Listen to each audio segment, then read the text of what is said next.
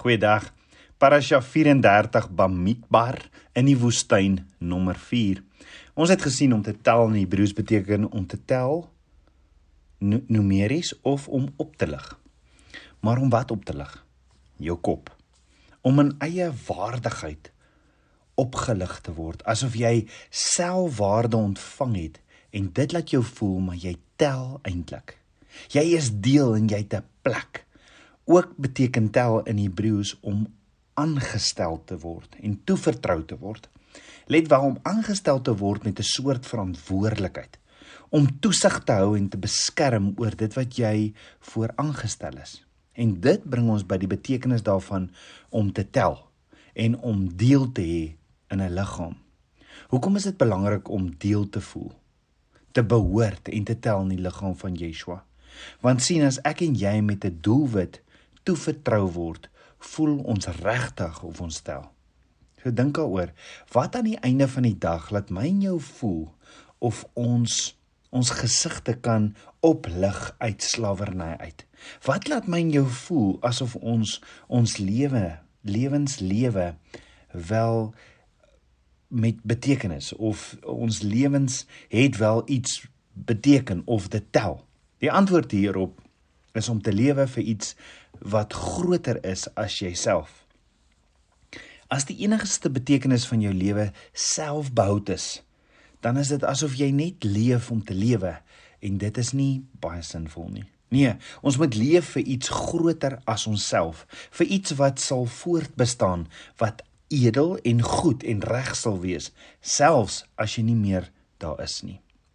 As gevolg van dit moet ons deel hê aan 'n gemeenskap of die liggaam van Yeshua.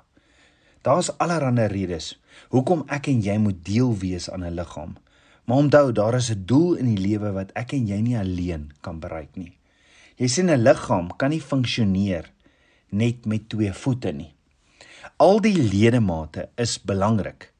Net so, byvoorbeeld, kan een persoon nie alleen armoede in Suid-Afrika oplos nie. Een persoon kan nie sorg dat gehawende kinders 'n plek het om in te slaap op 'n donker en koue nag nie. Nee, die liggaam van Yeshua werk saam aan projekte wat die grense van enige individu oorskry. Nou Paulus sê in 1 Korintiërs 12 vers 27, "Maar julle is die liggaam van Christus en lede afsonderlik." Hy sê ook in 1 Korintiërs 12 vers 12 tot 13, "Want net soos die liggaam een is en baie lede het en al die lede van die een liggaam, al is hulle baie, een liggaam is, so ook Christus, want ons is almal ook deur een gees gedoop tot een liggaam." Of ons Jode of Grieke is, slawe of vry manne en ons is almal van een gees deurdronge. Mag Abba Vader ons so in die gees doop op hierdie Shavuot, sy bestemde tyd, sy volgende afspraak met ons. Maar in wese sê Abba Vader se woord eintlik vir ons: kyk na jou eie liggaam. Jy het hande, jy het voete, oë en ore. Jy's nie net geïsoleerde, jy het nie net 'n geïsoleerde brein wat los is van ander lede nie. Net so sê Romeine 12 vers 5, so is ons almal saam een liggaam in Christus en elkeen afsonderlike lede van mekaar. Met ander woorde, ons is aan Yeshua ons hoof gekoppel. Maar nie net aan ons hoof nie, maar ook aan mekaar verbind.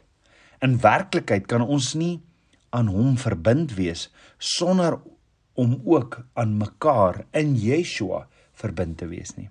En dan sê 1 Korintiërs 12 vers 21 en die oog kan nie vir die hand sê ek het jou nie nodig nie of ook kan die hoof vir die voete nie sê ek het ek het julle nie nodig nie.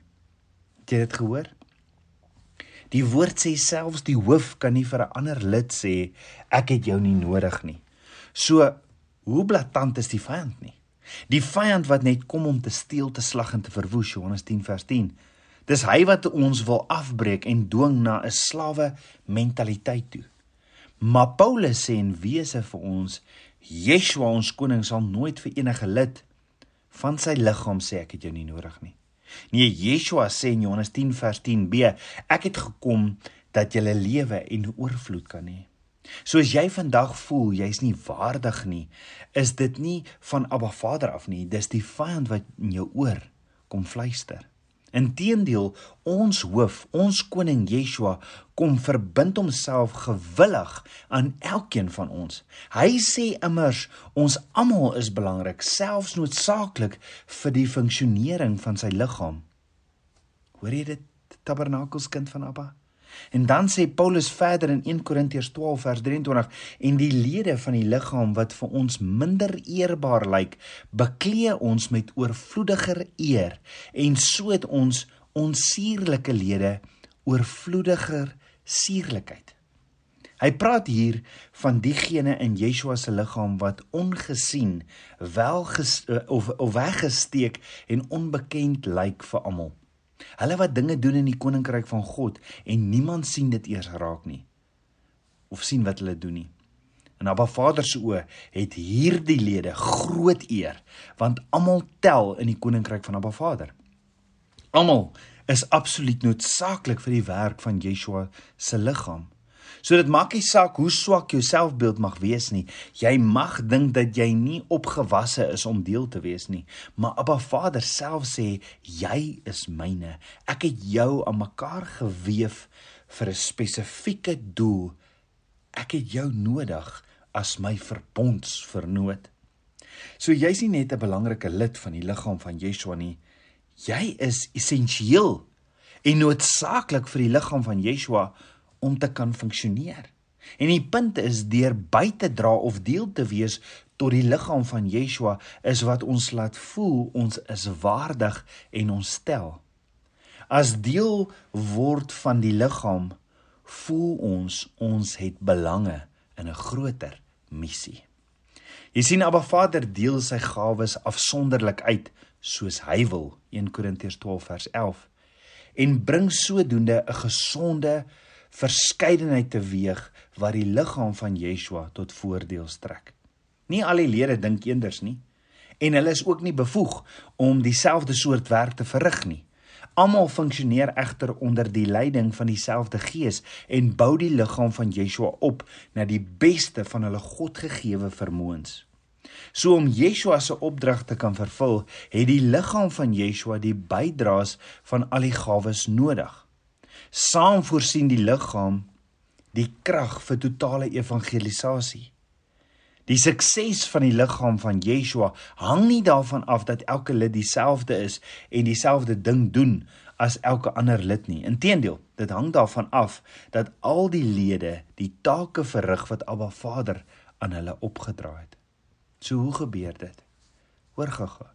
Die liggaam van Yeshua se eenheid geskied by die kruis.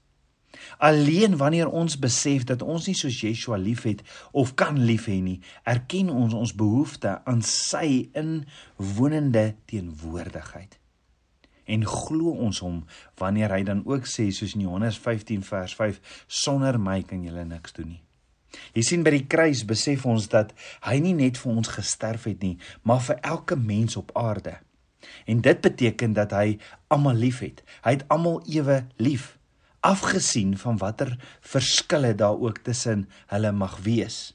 En dit is waarom eenheid in Abba Vader gewortel is. Paulus sê verder in Efesiërs 4 vers 16 uit wie die hele liggaam goed saamgevoeg en saam verbind deur die ondersteuning wat elke lid gee volgens die werking van elke afsonderlike deel in sy mate die groei van die liggaam bevorder vir sy eie opbouing in liefde. So hoor gehou, hierdie is is baie baie belangrik. Die liggaam groei want elke deel in die liggaam doen sy deel. So hier is 'n baie eenvoudige vraag wat ek en jy onsself moet afvra en dit is doen ons ons deel in die liggaam van Yeshua. Dit begin by elkeen van ons. As ek my gedeelte doen in die liggaam van Yeshua, gaan die liggaam van Yeshua groei as elkeen van ons saam ons gedeeltes doen. Ek praat nie van groter nommers in die kerk nie. Ek praat van ons as liggaam gaan geestelik groei.